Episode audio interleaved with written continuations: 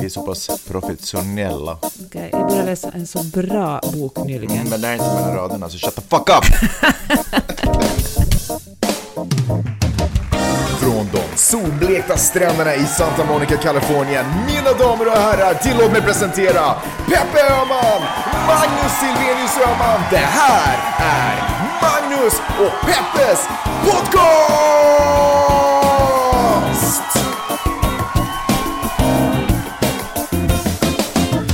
Hallå internet och hjärtligt välkomna ska ni vara till Magnus och Peppes podcast. Rösten som ni hör här, det är Magnuset i Magnus och Peppes podcast. Och du heter Peppe, hej! Hej, tack för att jag får vara med i din podcast, Magnus. Jättekul att ha dig med här. Du eh, kommer med, oftast med så himla bra input, så jag känner att det är ganska nödvändigt att du är med i den Jag här är en podden. välkommen gäst. Du är en välkommen gäst, verkligen en välkommen. Apropå välkommen gäst, eh, så jag vet inte, tjuvläste jag något meddelande som du hade fått, eller var jag med i gruppen som fick det här på Facebook, men är det så att bra Nille från Bra Snack ska komma till LA och du ska vara hans sidekick i Bra Snack? Jag ska vara Anna Salin. Hon är väl, hon är väl ingen sidekick, hon är väl en Nej men förlåt, co-host. nej jag vet, men du är, blir ju sidekick för du blir ju inte en co-host, eller hur? För programmet. Fine, jag vill säga väl sidekick Men det är så om alltså? du får ditt mangliga ego att känna sig bättre. Mangliga. Det är så du kan alltså? få vara gäst. Men det, du ska... Ja, men det är så. det eller Du kommer jag... hit i oktober, november. Jag sånt. fick inte gå ut med det här eller var det hemligt? Det var inget hemligt. Nej. Superkul! Visst är det? Ja. Är det, är det liksom, han frågade inte mig för att det är viktigt att det är kille-tjej liksom? Det måste vara så, för att en man kan ju liksom inte fråga en kvinna av någon annan orsak att vara hans eh, partner i en podcast. Du menar att du skulle vara bättre på jobbet än vad jag är? Om vi säger så här, förra veckan när jag ledde den här podcasten var det ju lyssnarrekord. Var det lyssnarrekord? Okej, du är också uppenbarligen bättre på att läsa statistiken. du kan så mycket Peppe. Nej, alltså grejen var den att eh, vi talade någonting på Twitter och så whinade jag någonting om att, eh, att vi hade varit i Stockholm hela sommaren utan att bli inbjudna till Bra Snack som är en superbra podd. Vi var ju Ah. inbjudna vid julas så det var Ja, jätteroligt. vi bjöd ju faktiskt in oss själva Ja, så helt kände väl Nille sig tvungen att vara snäll och... Och så fråga. kände han efter det, den tittar, lyssnarsuccén efter det avsnittet så kände han oj, det här måste vi göra om så fort det bara är möjligt. Hör du, eh, skolstart för Vidar har det varit också. Får jag bara berätta om vilken, eh, vilken frustration jag känner över att samla på mig alla saker som Vidar behöver till skolan. Och då tänker ni så här, ja, han behöver en ryggsäck och ett par skor. Nej. Ja, det behöver han i och för sig också. Men han be- behöver också, jag fick, en, jag fick liksom en inköpslista från skolan där det står att jag måste ta, fixa tre stycken stora buntar med eh, pappersark och eh, massvis med glue sticks och massa olika sorters pennor och Jag fastnade också på kritor den där, och... alltså de där limstickarna. Varför köpte du liksom 400 stycken limsticks? Därför det, det stod köp dussin glue sticks. Det, inte ens under en mans livstid ska man kunna göra av med så många gluesticks. Nej, och jag tvivlar att man gör av med sådär mycket papper som jag köpt också, om, man inte, om de inte bara använder det Vi som har ju WC-papper. kvar liksom två stycken sådana här tjocka Man kan inte riktigt... från förra året. Ja men Peppe, man kan inte riktigt säga att vi har kvar när vi aldrig levererade dem. Alltså de har ju lärt sig att leva utan de papperna. Vill Liksom, jag fått rita på handen. vi, har kvar, vi har ju kvar de här pengarna som vi har stulit av er. Ja, vilket fall som helst, sjukt frustrerande. eh, Och extra frustrerande är det att eh, hela det här, allting som jag köpt, det har gått på typ nästan 100 dollar. Eh, och så, så står det så här, sen, sen när jag liksom beställt allt det här så står det längst ner på pappret så står det så här. Köp antingen allt det här eller ge oss 50 dollar sådär presentkort på, Nej. du vet, Target eller liknande. Är inte den första saken man lär sig när man ska skriva tentor att eh, man först ska läsa igenom alla frågorna och instruktionerna och sen börja göra uppgifterna? Men det som var, oh, apropå det, eh, Det är en sorts studieteknik. till mitt försvar, jag trodde inte att det här var en tent. Eh, jag, jag såg det aldrig på det sättet. Jag trodde att det var en uppgift jag förväntades lösa. Men det är faktiskt intressant att du tar det där. För det här är, jag såg, eh, eh, jag har ju testat på att ha tv-kanaler här hemma via datorn. Och på Discovery Channel så har det gått ett program som heter, eller en serie som heter Brain Games kanske? De visade det på flygplans Ja, exakt. Precis. De brukar visa utvalda delar eh, på flygplans-tv där, ja. Precis. Eh, och, och, och vad det programmet handlar om är att den visar hur vår hjärna fungerar, vilka kullerbyttor vår hjärna ofta gör om det ställs inför olika problem. Du, Och du vet, det är det man sist ser av allt när jag sett alla filmer, eftersom Norwegian aldrig uppdaterar sina filmer, man sett alla filmer flera gånger, alla TV-serier, och så bara sådär Fuck. Jag ser väl på Brain Games då. hälsning till eh, Norwegian. de filmerna ni har i början av sommaren, de kan ni inte visa i slutet av sommaren. Ni förstår väl att de... Bara sommaren, de hade samma filmer i julas när vi Ja. flög tur och retur Norden. De har, ju- Oavsett. de har inte uppdaterat sitt kartotek på, eller sitt bibliotek på flera år. Skaffa Netflix, det är allt ni behöver göra så finns det lite nytt där. Nej men alltså men helt ärligt, för de, för de som tittar gånger. i slutet, i början på sommaren kommer ju garanterat sitta där i slutet på sommaren också. För ofta så, det är ju hemskt sällan man tar en enkel biljett. Vilket fall som Anyway. helst. Vilket fall som helst. Så i ett av de här avsnitten, Brain Games, så ställer de en man och en kvinna mot varandra. De får, eh, det är ett skynke mellan dem och framför dem så är det ett skrivbord med eh, eh, pa, eh, eh, papper fullt med uppgifter.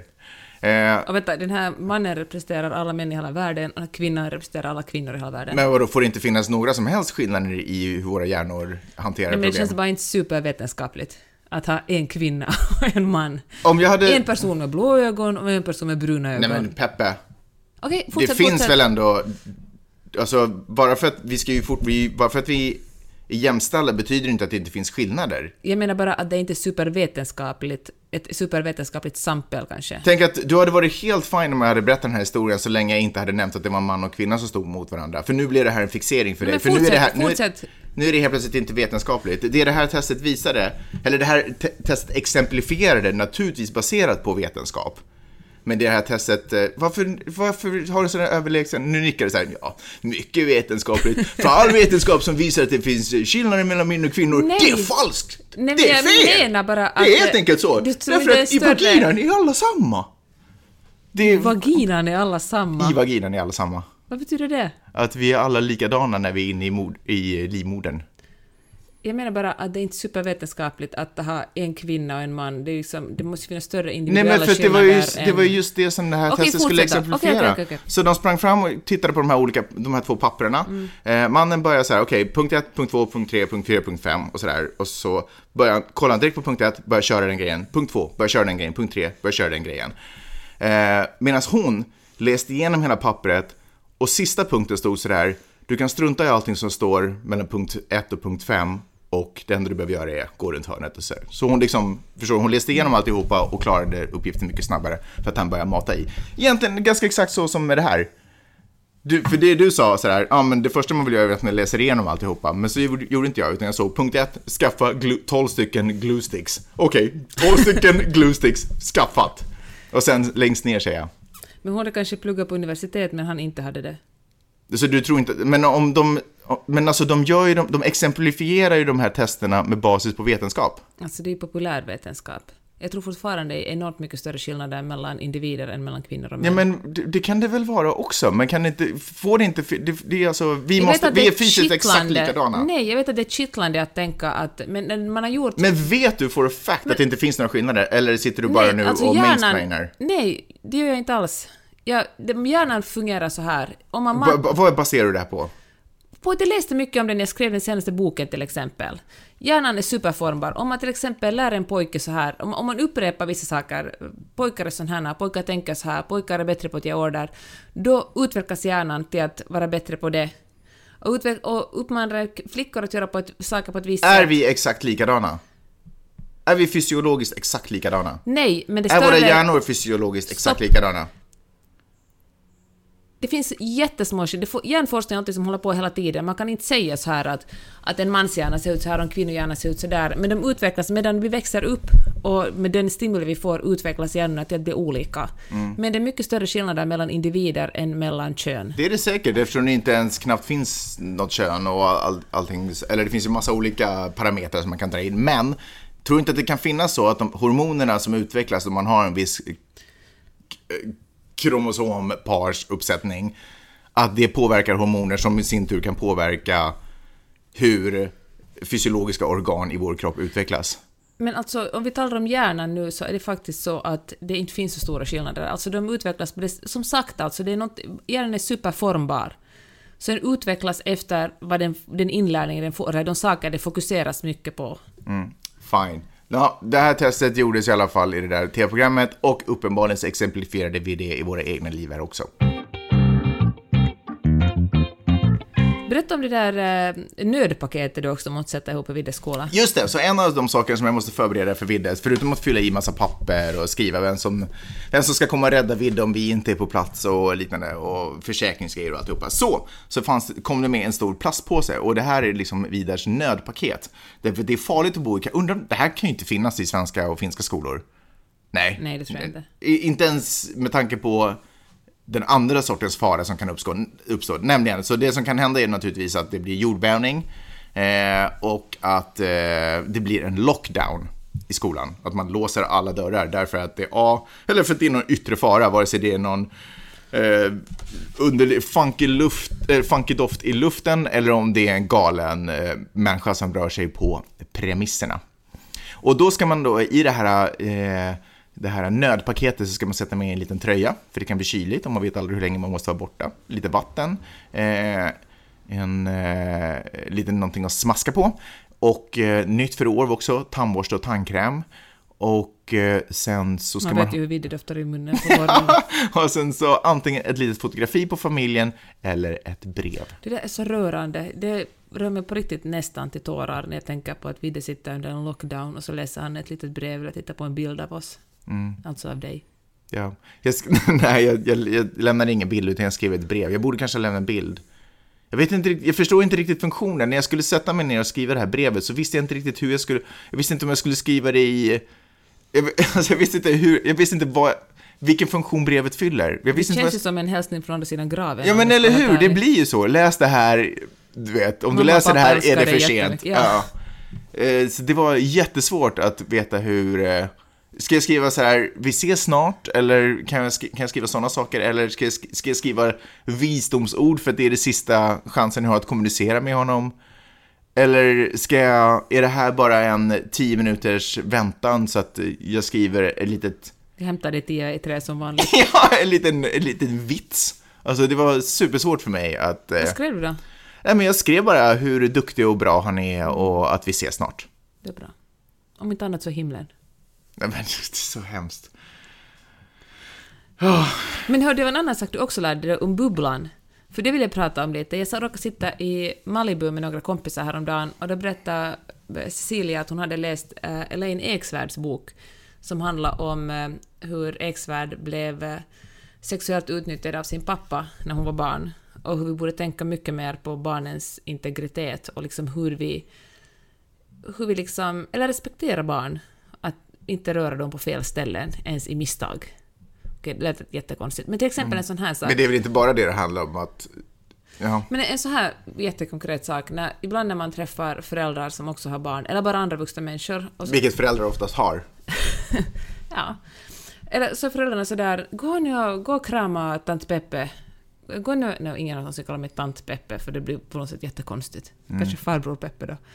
Men gå, gå nu och kramas, och märker man att ungarna är sådär, "Äh." Som ungar oftast är. ja, de kanske inte lustar att krama främmande människor, eller inte ens bekanta människor. Nej. Men så vill föräldrarna inte att deras barn ska vara oartiga, utan de vill att de ska ha gulliga barn, så de bara hetsar ungarna till att Mm. krama en. Och alla tycker att det är lite jobbigt, men det är någon slags artighetsgrej. Det ska Men man finns det inte göra. Men finns inte en, jo, nej, okej, fine, jag förstår det. Men finns det inte en lärdom där i att lära barn, äh, lära barn att för vi som vuxna, så ibland visar vi uppskattning till någon fast vi kanske inte, alltså du vet, for the greater good någonstans. Att man ger Fast en människa en kram och visar den, Men man kanske inte behöver göra det med kramen. Jag tror att det just handlar om det. Hur ska barnen sen kunna veta skillnaden mellan när det kommer en, att man läser att man måste krama alla vuxna för annars blir vuxna ledsna, så kommer det en äcklig gubbe och vill kramas på fel sätt. fast tror att det är, tror Jag- inte att skillnaden är solklar. Till, jag tänker så här, ett inte helt ovanligt scen- scenario är när man till exempel är hos goda vänner som har, som har barn, som man har umgåtts med supermycket. Och så har man varit där och käkat middag, så ska man dra, och sen så, ja men ge Magnus en kram. Och så, för de känner ju igen en, de vet vem man är, de vet att det finns, liksom, eh, att det, är, att det finns kärlek i luften och sådär, förstår du vad jag menar? Ja, nej, jag tror Än inte. att det kommer en, en skum random farbror och vill kramas, det kan ju inte vara Så samma. barn tar ju sina föräldrar som auktoriteter, det är meningen. Föräldrarna skulle vara tryggheten och man skulle kunna lita på det föräldrarna säger. Du tänker Alltid. att de känner sådär, okej nu är artigheten som det som är det viktigaste här. Ja, det tror jag. Och jag tror att om barnen själva spontant vill krama en är det ju superfint. Mm. Men om det alltid måste komma från föräldrarna sådär att gå och krama, gå och krama, gå och krama, Mm. så Ja, jag tror det är lite... Eller det skriver hon om, liksom, att hur det är ett integritetsbrott mot barnen. Mm. I, I skolan, jag ska ju nämligen bli en sån här eh, klassrumsförälder, har jag bestämt mig för. Och för att man ska bli det så måste man gå två kurser. Eh, den ena kursen heter, eh, är, är någon form av kurs, kurs och kurs. Det är en, en typ föreläsning om de olika verktyg som de använder sig av. Och så där. Nå, ett av de här verktygen som de använder sig av kallas för Cool Tools. Att Då kalla vet, man, någonting då vet man cool- att det är fett coola tools.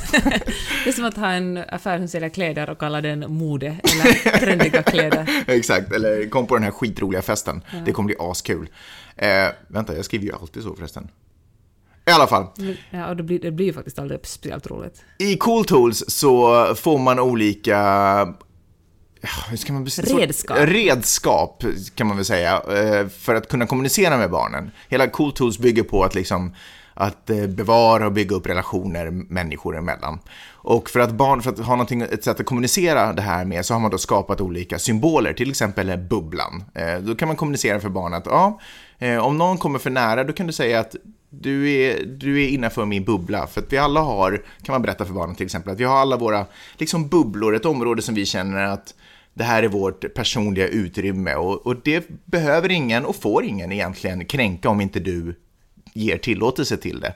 Och om är det någon som gör det, eventuellt i misstag eller av någon anledning kommer för nära, så då kan du säga förlåt, du är inne i min bubbla. Eh, eller så backar du undan, eller du vet, att det är olika sådana saker. Eh, så man pratar ganska mycket just om det där eh, personal space. Och det är roligt med personal space annars med barn. Eh, för att de kan ju stå jätte, jättenära en. Totalt kränka ens egen personal space egentligen. Fast de är så gulliga så det brukar oftast vara okej. Sen Viddes kompis Connor, han vill ju alltid kramas med Vidde jättemycket. Det är supergulligt. Hur mycket tror du där till exempel att hans polare vill krama honom är ett hetsande från föräldrarna? Ja, Det tror jag faktiskt inte alls det. Du tror inte det? Nej, för det, det, hans föräldrar, speciellt hans pappa, är väldigt sådär... Eh, han vill på något sätt att Connor ska vara väldigt macho, vilket är ironiskt för... Han Connor bara är ju önskar en- att Connor ska bli heterosexuell. Ja, men precis. Men Connor vill bara gosa liksom. Mm. Jag tror faktiskt det kommer bara från Connor själv. Men jag kommer att tänka på det när, när man som nordbo så fnissar man ju lite åt amerikanerna och säger att åh vad de är pryda liksom. Och de ungarna går inte ens och byter om när de ska ha gymnastik. Mm. Och de, eh, man duschar inte tillsammans och till och med små barn på stranden har liksom Bikini. baddräkt. Bikini, det tycker jag är lite obehagligt också. Men, eh, men eh, kanske det... Hade det varit bättre med burkini där i det fallet kanske? Om det är stark sol är det ju bra att täcka över hela ungen. Mm. Men då tänker jag att kanske det är amerikanerna som har rätt och vi som har fel. Kanske, kanske man på något sätt... Kanske nakenhet är någonting som man borde vara noggrannare med barn och nakenhet. Jag kommer ihåg till exempel när jag var liten och vi hade liksom fester hemma och jag kommer från Finland och stor, en, vi, är liksom, vi är ju en bastubadarnation. Och så skulle man bada bastu och det var liksom barn och vuxna, allt huller om buller i, i bastun. Och, eh, och jag vet inte om, om jag var 7, 8, 9 eller 10, men jag började tycka att det var liksom lite obekvämt. Jag liksom blev medveten om min egen kropp. Och, men det fanns liksom aldrig något, det fanns liksom inga alternativ att man skulle ha baddräkt på sig eller sitta med en handduk omkring sig, det skulle bara vara jättekonstigt. För att kulturen är så att Ja. i Finland badar man naken och det är perkele naturligt. Mm. Och jag tänker att kanske, kanske jag borde vuxit upp i det hysteriskt prydda USA istället då. Mm. Samtidigt är det ju liksom, man ska ju inte heller lära barnen att skämmas för sin kropp, men det är väl en annan sak. Att, eh, tvärtom kanske man lär sig att respektera sin kropp och att tvinga andra också att respektera den. Ja. Ja, precis. Kräva, kräva, sin- kräva respekten. Ja, det handlar väl ganska, det handlar väl mest om gränsdragningar. Att lära dem. Det där är svårt faktiskt. För samtidigt så vill man ju inte...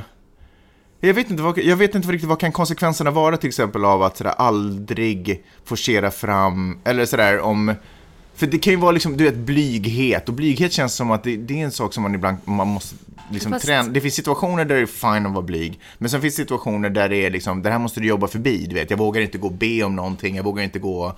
Fast det är ju Eh, en helt, det tänker jag är en annan sak. Jag menar, man kan, man kan nej men se- ibland kan ju nekande till en kram med en släkting vara på grund av blyghet. Men då låter man kramen vara och säga att skaka hand med, med farbror Nej men alltså istället. all interaktion kan ju bara... Ja, men du tycker att kramen är ju fysisk på ett helt annat sätt, som att se någon i ögonen eller gå fram och fråga någonting eller skaka hand med någon. Mm. Då bestämmer man att jag ska inte tvinga mitt barn till någonting så fysiskt, men eh, eftersom vi lever i en kultur där vi skakar hand med varandra så Mm. tycker jag att barnet kan göra det. Det är väl lätt som en Men det är faktiskt, det, det är ju, eh, västvärlden har ju blivit mycket av en kramkultur. Jag vet inte varför vi så, har blivit så otroligt osäkra att vi alltid måste krama. Jag tyckte att en gång i tiden, någonstans på 80-talet, så var det ganska soft att man började. För vi, innan dess så upplevde vi att vi var ganska kalla i vår kultur. Men, eh, men nu har det ju liksom gått till överdrift. För nu är det verkligen så här, nu finns ju ingen, nu får man inte inte kramas. Nu måste man alltid kramas. Och det, man, det är liksom, man får aldrig claima personal space för då är det väldigt, väldigt avfärdande. Och där tycker jag, där har ju eh, en del asiatiska kulturer löst det alldeles ypperligt genom att sätta ihop händerna och bara buga och visa och hälsa och visa vördnad på det sättet liksom. Man är Eh, mindre smittobärare och man behöver inte fundera på om folk har tvättat händerna efter att de varit på toaletten heller. ja. Ja, det är konstigt. Jag, jag har ju hört att det har pratats om det där supermycket så vi behöver inte prata om det desto mer. Men det är ju lite underligt det där kramandet faktiskt. Så jag tycker det kan vara mysigt att kramas också. Jo, men det är liksom, jo men du vet, det är ju liksom inte bara med en, utan, eller nu, det är inte med de närmaste, utan nu är det ju liksom, har jag sett det en gång förr så är det typ så ska vi liksom kramas. Det är någon sån här att vi är en del av samma stamgrej, men det känner jag inte nödvändigtvis att man alltid är. Och det finns inget sätt att dra sig ur det om man inte gör något jättekonstigt stycke innan och försöker fånga en hand eller någonting. Men det finns ju inget sätt att, att på ett schysst sätt neka den kränkningen av sitt eget personliga utrymme. Hör du, när jag satt i Malibu så är jag Jessica Gardner. Garner. Jessica Gardner, Nej, eh, förlåt, är hon en trädgårdsmästare eller är hon en garnerare? hör du, eh, eftersom jag... Varför förtjänar den sådär hånfullt? ja, förlåt. Eh, men eftersom jag aldrig ser kändisar trots att vi bor i den här stan. Ja, hur kommer det sig att du kände igen henne? För du brukar alltid beklaga dig över ditt ansikts, med ansikts, öga. vad Ja, för det? att Sissan pekade ut henne. Ah, okej. Plus Så, du name, så du har, det här har egentligen inte påverkat dig, du bara namedroppar nu att du har suttit bredvid en kändis? Jag ville säga det i den här podden, Ja. för det händer aldrig liksom. Eller jag ser det ju aldrig. En gång pekade en annan person ut Anthony Hopkins för mig. Det var också stort. Men du, honom hade du väl Honom känt kände jag igen, ja. Ja. Ja, vad vad har Jessica, Jessica Gardner varit med i då? Eh, funny you should ask, men Juno till exempel, Va? som jag har sett 500 gånger. Vad spelar hon i Juno? Hon spelar en mamma som ska adoptera barnet. Aha. Som varit med i Dallas Buyers Club och eh, en massa andra filmer. Jag vet inte. Jag tror att jag känner igen henne från någon sån här deckarfil- eh, tv-serie eller något sånt. Men hörru, ska vi tala om internet och Pokémon Go och mediakritik? Men hörru, om du droppar, eh, om du droppar Jennifer Garner, Mm. var det så? Då måste jag droppa att jag satt och hängde lite med Judd Apatow. Du vet Judd? Ah, såklart! Fast hon heter, han heter Judd. Och inte? Judd. Vi är så värdelösa på det här. Ehm, jag var på stand-up comedy, alltså så jäkla grymt. Jag fick ett uh, mail i eh, min eh, mailbox som sa så här Hallå Mange! Nej, fast det var på engelska, så det var Hello Mang Magnus. Magnus, Magnus. Ehm, en av, okej, okej, kanske han är inte världens bästa komiker, men jag gillar honom super, jag tycker det har varit kul att se på, jag har, jag har tyckt att det har varit kul att se att han, men gud, jag har tyckt att det har varit roligt att titta på hans. Netflix eh, specials, Jimmy Carr. Så det stod i mejlet, dude, i Hollywood just nu, eller om några timmar, Jimmy Carr kommer vara där på scenen. Okej, så vi drog till Hollywood Improv, Improv och sen så kollar vi på Jimmy Carr som, det roliga med improv är att det, är ju aldrig sådär, de gör ju inte sina HBO specials där, utan de kommer dit och testar material. Och Jimmy Carr var där för att testa sitt material som han ska köra med, eh, i en roast med Rob Love. Jag tror han gjorde Rob- det faktiskt i, igår. Är det sant? Vi måste försöka se den roasten, för då kommer jag ju se massa skämt som jag, som jag hörde redan innan. I alla fall, det var flera av dem som skulle roasta som var där också. Eh, men sen så var också den här Judd där också. Apatow. Han som gjort, han har varit med och göra Girls och han gjorde den här serien Love på Netflix. Bland Eh, annat. Va? Jaha, det hade jag ingen aning om. Eh, jag vet att han har varit producent för Bridesmaid, Bridesmaids. Han har varit producent för Anchorman 2. Han har väl skrivit och producerat The 40 year old virgin. Alltså du vet, massa komedier. Superroliga. Eh, undrar den där makes, den där make a porno. Fan, ah, skitsamma, vilket fall som helst. Superrolig grej. Han berättade en super... Får jag berätta en grej som han berättade? För i Anchorman För scenen eller för dig? för mig, kan man säga. Eh, fast han stod på scenen när han berättade för mig. Eh, han, när de gjorde Anchorman 2 så eh, Kanye West är med där. Och eh, han hade varit på setten. Och så helt plötsligt har han ett tumult och eh, upprörda röster ifrån Kanye Wests stora, vad heter det, trailer, alltså husvagn, eller du vet, där de, Ja. vad heter det? Trailer. Ja, men där de hänger liksom i väntan på att få vara med. Ja, så han går dit, glider in i hans eh, trailer och så bara, vad händer? Kanye var skitupprörd. Eh, för Kanye har precis testat de kläderna som han ska ha på sig. Och du vet att Kanye är ju en fashion, jag fashionista. Han älskar ju det. Så han bara, what is this shit? You guys have taken the easy way out. Började skälla, skälla på honom. Han bara, men vadå, liksom, det här är ju de kläderna som man hade på 70-talet, liksom om man jobbar med nyheter. Så där såg man ut. You guys, that's what I'm saying, you guys googled 70s news and you took the first picture and now I'm wearing it. You guys are lazy. Så han, han håller på och skäller på den här stackars Judd. Um, och så, okej men vad, vad vill du att vi ska göra här nu då? Hur ska vi lösa det här? I'm gonna tell you what I'm gonna do.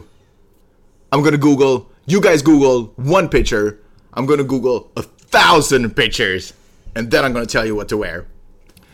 Så Judd bara, okej, fuck it, okej, skitsamma. Du googlar tusen bilder och sen så ses vi sen. Så gick han ut och strax efter så kommer Kanye West ut och bara, yeah I'm gonna wear this. Tänk att ha ett jobb där Kanye West är, där Will Ferrell är, där Carell, vad heter han i förnamn, är, alltså alla de där komikerna. Eller Lena Dunham till exempel. Lina Dunham, alltså fatta att ha ett sånt jobb. Och glida in på set och alla de där människorna där och bara skämtar och skojar hela tiden. Kanye apropå, eh, när vi ändå pratar om Kanye, eller när jag ändå pratar om Kanye, så hade, för Kanye satt och funderade på vad han skulle döpa sin nästa skiva till. I am God or I am Jesus. Han kunde, han kunde liksom inte riktigt bestämma sig. Och han står och söker råd eh, om det här i det här gänget. Så Will Ferrell står där och, vad heter de här andra snubbarna? Jag måste ta reda på det här, vad de heter. Eh, jag tar här till exempel. Eh,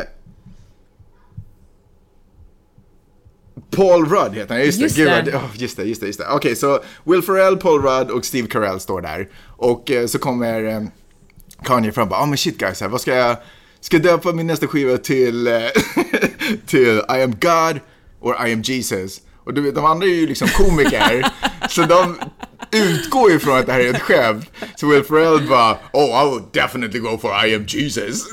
Man kan bara höra hur de sådär. Och, och, men eftersom det inte är ett skämt för Kanye West, han bara, mm, han är fortfarande lite såhär tveksam. Och så bara, ja men vad, vad får ni mest inspiration av? Så börjar han köra en sådär äh, en performance. Och apropå det här med bubble som vi pratade om. Yeah. Kanye West kränker din bubble. han, han, han berättar den här Judd, han berättar att Kanye West hade stått, du vet, två decimeter ifrån hans ansikte och gjort en performance som om det hade varit på Madison Square Garden. Samma inlevelse, samma intensitet, samma energi, du vet, energi. Ja, nu sa jag tre ord med samma betydelse. Eh, och, och Juddy var så här, vad är det som händer? så, så han får hela det här, vad det nu är, tio, han kör väl en två, tre låtar. Så han får hela det här tio minuters setet bara sprutat i ansiktet på honom och han bara, han är lite omtumlad för han inser ju också att det finns ju någonting ganska stort Ja. att ha Kanye West och kört en live performance för dig på två decimeters håll. Så det visade sig att alla som stannade under den dagen och var ens i närheten, så här, en halv meter från Kanye, fick den här performancen i sitt ansikte också. Ja, superroligt i alla fall. Så himla grymt att eh, vara på standup comedy här. Så jäkla roligt. jag- Vem som gå. helst dyker upp och så bara gör de, alltså så jävla roligt. Det är magiskt. Nej, det är inte alltid superroligt, men det är alltid ett roligt tillfälle på något sätt. Mm. Ja, det var vad jag ville, jag ville också bara säga att jag hade träffat kändisar. Okej, Som jag delvis också visste vad de hette. det var en bra historia, Magnus. Hörru, eh, kan vi bli lite allvarliga nu? Mm. Nej, vi behöver inte bli så all- allvarliga. Men jag tänkte på, vi talar ju mycket om mediekritik i den här podden, och förra veckan och förra, förra veckan så var det folk som eh, delade mycket en text som skriven av en författare och psykolog som skrev hur farligt det är med Pokémon Go, hur liksom eh, det sprider psykisk ohälsa. Det ska alltid komma ut någon psykolog som är så, så fort det kommer en ny trend bland barn, bara Åh, det här är superfarligt. Nej, men exakt, och hur, eh, hur man isolerar sig och hur det bara är ett amerikanskt bolag som tjänar jättemycket pengar och, Och, och hänvisar till en massa forskning också i den här texten. Mm. Och då del alla som... Menar du populärvetenskaplig forskning? Mm. Ja, det, vänta, jag kommer dit. Och då var alla på Facebook som håller med om den här texten, Mm. delade den såklart och var sådär, här får nu svart på vitt skärmtid, barnen ska ut i skogen och leka med kottar och tändstickor, utveckla sin eh, kreativitet och fantasi och, och så vidare. Och svart på vitt att det som jag alltid har tyckt är rätt. Nå, eftersom det här är internet så tog det ju två dagar innan det kom liksom motsatskommentar. Så visade det sig att den här kvinnan, psykologen, författaren, tydligen själv drar kurser i då så kallat internetberoende, som inte är en legitimerad diagnos, det är en Mm. hittepå-diagnos, men det finns många företag som, som då så att säga ska hjälpa folk bli kvitt, från, bli kvitt sitt eh, internetberoende. Så att, och att alla de här forskningsresultaten hon hade, hade hänvisat till var lite sådär cherry picking, liksom hon hade bara plockat just de resultaten som, och de kommentarerna som passar hennes egna teorier och sen liksom lämna bort allt annat. Mm. Plus att det, det stod till exempel så här i en, annan, en kritisk kommentar till den här texten att, att det är väldigt sällan som forsk, forskning går ut och rekommenderar till exempel ditt barn får högst sitta med en skärm 23 minuter om dagen. Mm. Man gör inte sånt för det, går liksom, det finns liksom inte vetenskapliga belägg för några så exakta liksom, tider. Och, eh, och det stämmer ju faktiskt att liksom, folk har ju alltid oroat sig över nya populärkulturella tendenser. Vare sig det är liksom Dungeons and Dragons, Ja, men alltså, vi kan ju backa. Radio var katastrof när det kom ut te TV, katastrof när det kom ut te eh, telefon, katastrof när det kom ut... Men jag tänker som vet du, hårdrock. Ozzy Osbourne som står på scen och biter huvudet av Ja, en fladdermus eller en höna. Vad bet han huvudet av? Nej, jag var tror det någon var en slags fladdermus. djur han bet Mm. huvudet av. Som skulle leda barnen in i fördärvet. Mm. Och ändå blev det helt okej vuxna som sen skrev texter om hur Pokémon Go För, så- fördärvar dagens ungdom. Ja. och då tänker jag att... eh, Men det som jag tänkte på det här att hur liksom... eh, Hur, hur vi blir lu... Liksom hur... Vi vill så gärna få bekräftelse av vi liksom anar själva, tycker själva. Till och med liksom, folk som hade delat den här var superrespekterade och bra journalister som hade, som hade delat den här första texten. Och liksom hur... eh, När man tänker att... När, vi talar liksom om mediakritik kanske man föreställer sig att det är folk som aldrig har gått ur grundskolan. Men Mm. liksom hur också smarta människor som vem som, som, vem som helst liksom som nu tänkte jag säga svarta, smarta människor som du och jag, men det är ju kanske inte alltid sanningen att vi är så himla smarta, men liksom vem som helst kan gå i den där fällan. För man, om man vill tro på någonting tillräckligt mycket Mm. så snubblar man in och liksom glömmer bort att vara lite kritisk. Men vet du, jag, jag tänker hoppa på dig lite här. Är det okej? Okay. För igår så satt vi på balkongen och så berättade du någonting för mig. Och så var det sådär, ja, ah, du är inte så intresserad av vad jag har att berätta. Och om jag inte minns helt fel, eller så var det något annat tillfälle, så berättade du om ett forskningsresultat som stödde en redan belagd teori och kunskap som du hade sedan innan. Och då, då någonstans funderade jag på, men jag vågade inte säga det då, för att jag tycker om när vi har roligt tillsammans.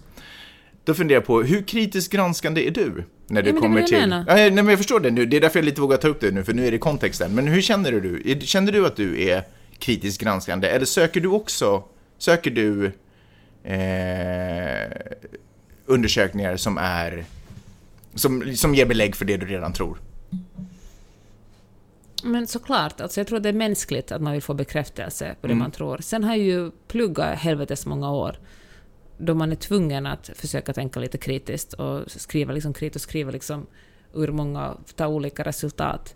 Så finns det också något farligt i det att, att säga så här att, att till exempel vara sådär hmm, att nu ställer vi homeopati mot eh, mot liksom modern läkarkonst Mm. och som ger dem lika mycket tyngd. Det är ju Mm. också, eller vax, antivaccin mot vaccin, det är ju också liksom fel. Det som, vi tar, det som du nu hänvisade till var amning, och du har den här Agnes Wold, den här, eh, du vet vem det är, hon är forskare som har skrivit mycket om, om eh, allt möjligt. Alltså hon har skrivit mycket om hur, eh, hur eh, Nå, Okej, hon har skrivit om amning nu den här gången. Låt oss tala om det. Men hon har varit så här att, att man behöver inte vara så superhygienisk. Det är kanske inte jättebra för en. Ja. Det sprider mer allergier att vara superhygienisk än att vara lite shitty. Mm. Och liksom hur mycket, hur många sådana liksom, och det hon skrivit mycket om också, att hur mycket alkohol man kan dricka under, under när man ammar. Mm. Att det är mest moralpanik liksom. Och hon hänvisar alltid till liksom fakta. Eller det, fakta är ju också kanske väldigt flytande, men till liksom väldigt konkreta vetenskapliga rapporter, inte liksom populär, populärvetenskap. Mm. Så hade skrivit det här, som är faktiskt titeln refererar till mig själv, men jag skrev den min första bok, Livet och barnet, så då läste jag mycket på om det här, för jag var så osäker kring amning. Mm. Och då handlade det mycket om hur mycket ska man amma? Ska man helamma, ska man halvamma, liksom, finns det några kopplingar till allergier och, och amning, och, eller det motsatta? Och, så det här, och det att FN rekommenderar ett, års hel, ett halvt års helamning, tror jag det just nu är, det grundar sig på det att, att man under 60-talet var det Nestlé och en massa andra sunkiga företag som sålde bröstmjölksersättning till u-länder som inte hade rent vatten och då blandade mammorna det här eh, bröstmjölksersättningspulvret med smutsigt vatten vilket ledde till att ungarna dog eftersom de inte hade något immunförsvar. Mm. Men att eh, ingen har någonsin sagt att det är dåligt att helamma, men i, eh, i modern tid så för människor med rent vatten eh, finns det liksom inga väldigt synliga fördelar. Mm. Man kan inte se någon skillnad där på barn som blivit helammade och barn som vuxit upp på ersättning i väst. Ja, det var det jag ville säga. Det. Ja, jag förstår. Nej, för jag, jag tänker ibland när jag gjorde kanske misstaget att gå med i det här, f- något feministiskt forum på Facebook. Och då tänkte jag där någonstans i någon form av argumentation så tänkte jag så här att jag tror att det finns de där ute som tror att du, jag och många andra feminister vaknade upp en morgon och kände att nej, nu är det det här vi ska tro på. Eller vaknade upp en morgon och bara nej, men nu ska, vi, nu ska man inte äta kött. Och inte ser liksom, och inte, inte förstår att det kanske har föregåtts av en längre process som kan ha varit dels en personlig process som sen har utvecklats till en nyfikenhet, bara, men varför beter jag mig så här? Som sen följs upp av någon form av studier och förkovring som sen leder till att, nej fan, så här kan det inte vara. Eh, någon form av fast, någon konklusion liksom, att man där någonstans sen väljer vägen.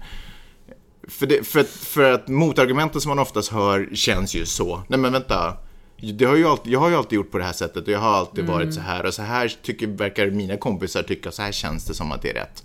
Eh, vilket betyder att den här personen aldrig har ju satt, har aldrig kommit till en situation där den är så här, men vänta, varför är det så här? Och sen en nyfikenhet har väckts och sen en förkovring. Utan det är ju bara livet som har skett och all den kunskap och all den fakta och den, och som den baserar sina beslut på är ju bara baserat på den gång som livet har tagit. Inga, inga extra energi har lagts på att försöka förstå en Och situation. den här personen blir som en vaccinmotståndare, att man bara tycker att det är fan yttrandefrihet, min åsikt har lika mycket värde som Mm. er fakta. Vilket är ett jättestort problem. Om man refererar, jag har aldrig sett förtryck eller rasism, alltså det kan inte existera. Ja. Och argumentera med människor som forskar i det eller studerar det, eller som Ja. vi sa, liksom tillbringar tio år med att läsa på och diskutera det här. Ja. Det är väldigt, väldigt arrogant tycker jag. Och liksom Men det- en har ju- imponerande självförtroende att kunna glida in i en diskussion och säga Fast det är inte "Det här är en självförtroende, det är ju ren dumhet. Ja, men liksom dum, man förstår ju inte, man har ju inte förstått syftet och poängen med den vetenskapliga processen. Det, de, det är klart att det vetenskapliga processen, eh, en, någon, en form av undersökning kan ju vara att man faktiskt frågar en massa människor på stan att hur ty, tycker ni om A, B eller C? Liksom. Men skillnaden är ju där i att man, man försöker få ett genomsnitt och man försöker ha tillräckligt många röster för att det ska ge någon form av, och det dessutom blir, det ju aldrig, det i sig blir ju aldrig basen för beslutet utan det är ju ett av flera sätt som man försöker angripa den här frågeställningen för att se hur, vad man ska komma fram till, vad fan det nu är. Det, och, och det man gör hemma, om man sitter hemma på sin kammare, är att man frågar sina kompisar. Det är liksom inte, förstår du vad jag menar? Att om man, är, om man på riktigt är intresserad att håller min teori, då tycker jag verkligen, då kan man ge er ut på stan och skaffa en tusen olika, fråga tusen olika pers och se vad de säger. Så, har man så har ni, finns det åtminstone någon form av belägg för. Men det är ju som vi talade om för några veckor sedan om Donald Trump som hävdar att brottsligheten har stigit i höjden i USA. Och så var det någon... när så, det de facto har sjunkit. Nej, det faktiskt sjunt. Men, eh, men så var det någon, eh, jag vet inte vad som är Donald Trump, men det var någon representant från, Ja. hans, eh, från hans bolag, från hans valkampanj, Ja. Som var sådär att nej, nej, men att en majoritet av amerikanerna tycker att brottsligheten att det är så. Och eh, journalisten var sådär att nej, men jag har fakta här, jag har svart på vitt, nej, brottsligheten har gått ner, det var mycket högre i början på 90-talet. Och de bara, nej men... Vi hade ju ett klipp av det där i förra podden. Ja, eller förr, förra kanske. Ja. Och så är den här, eh, den här eh, Trump-människan, han bara nej, nej, men du måste förstå att en majoritet av amerikanerna tycker att, Mm. att brottsligheten har stigit. Och då blir det ett sånt konstigt tankefel, Mm. för att då är det verkligen som om tyckandet, om, om en majoritet tycker en viss sak, Mm. är, är det liksom viktigare än kon, vet du, konkret fakta. Mm. Så här är statistiken på brott. Ja, och det, det där är ju faktiskt exakt det som händer. Eh, John Oliver hade ju faktiskt en fantastisk klockren logisk eh, härledning av det där. Att om vi tror att det vi känner är rätt, om det, är, om det i något skede blir lika med är rätt, då betyder det att eftersom politiker har en förmåga att skapa känslor hos oss, så betyder det att politiker kan skapa det vi kommer uppfatta som rätt.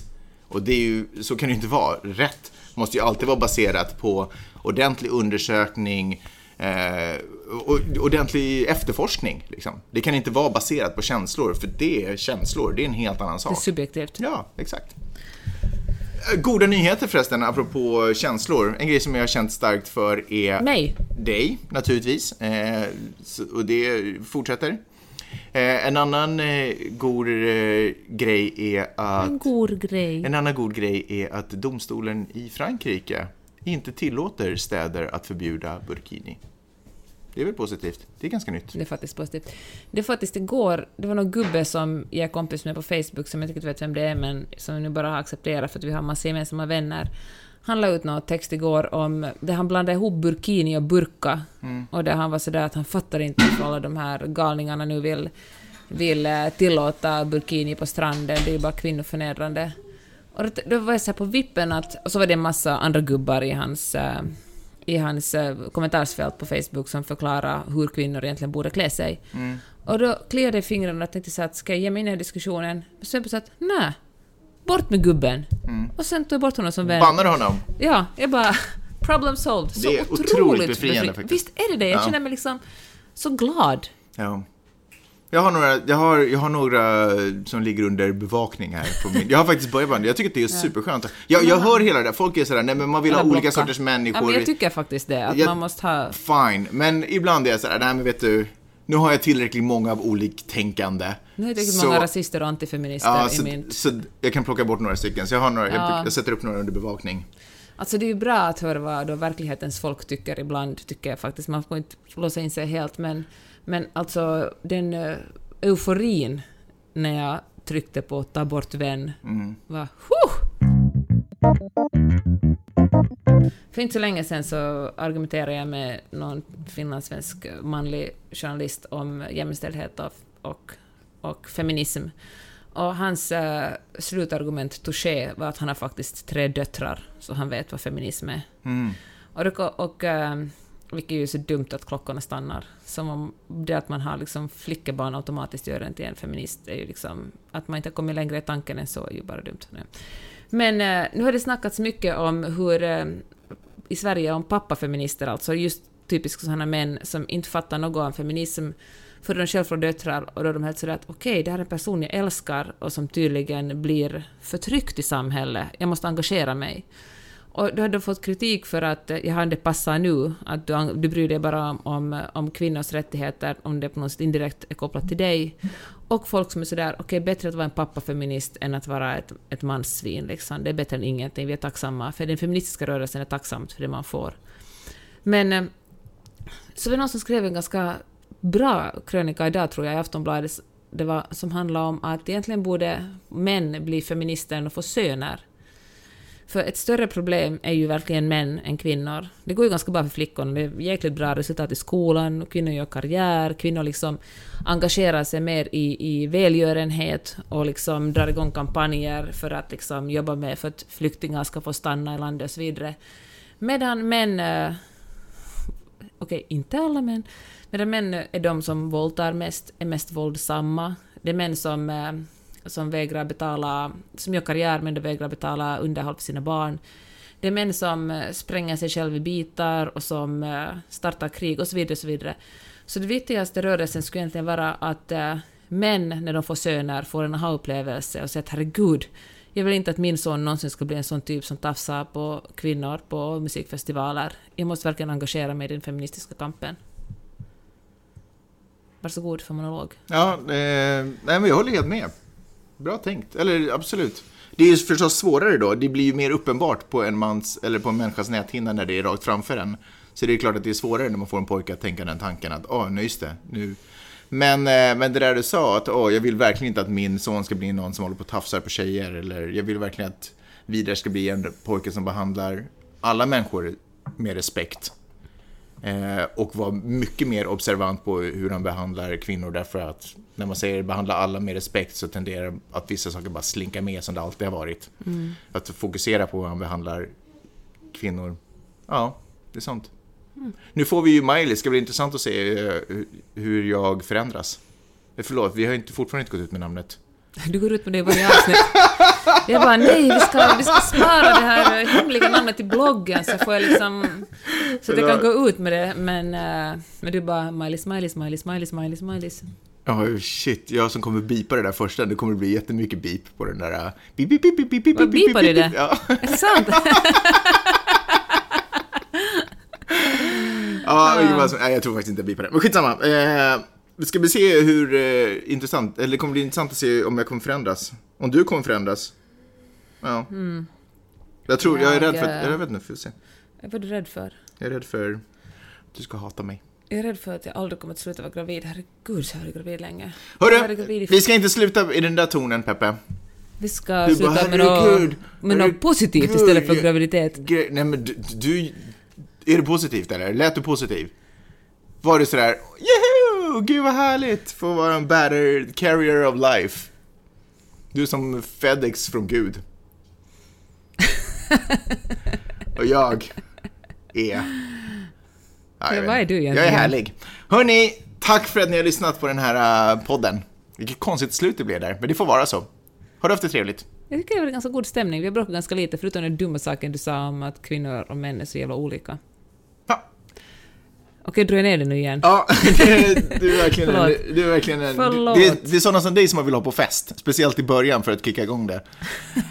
Hörni, eh, tack för att ni har lyssnat. Jag ber hemskt mycket om ursäkt för min fru, ni vet, det där som man inte får säga. Och vi hörs om en eh, vecka. Sköt om er. Hej Puss och då! kram, hej!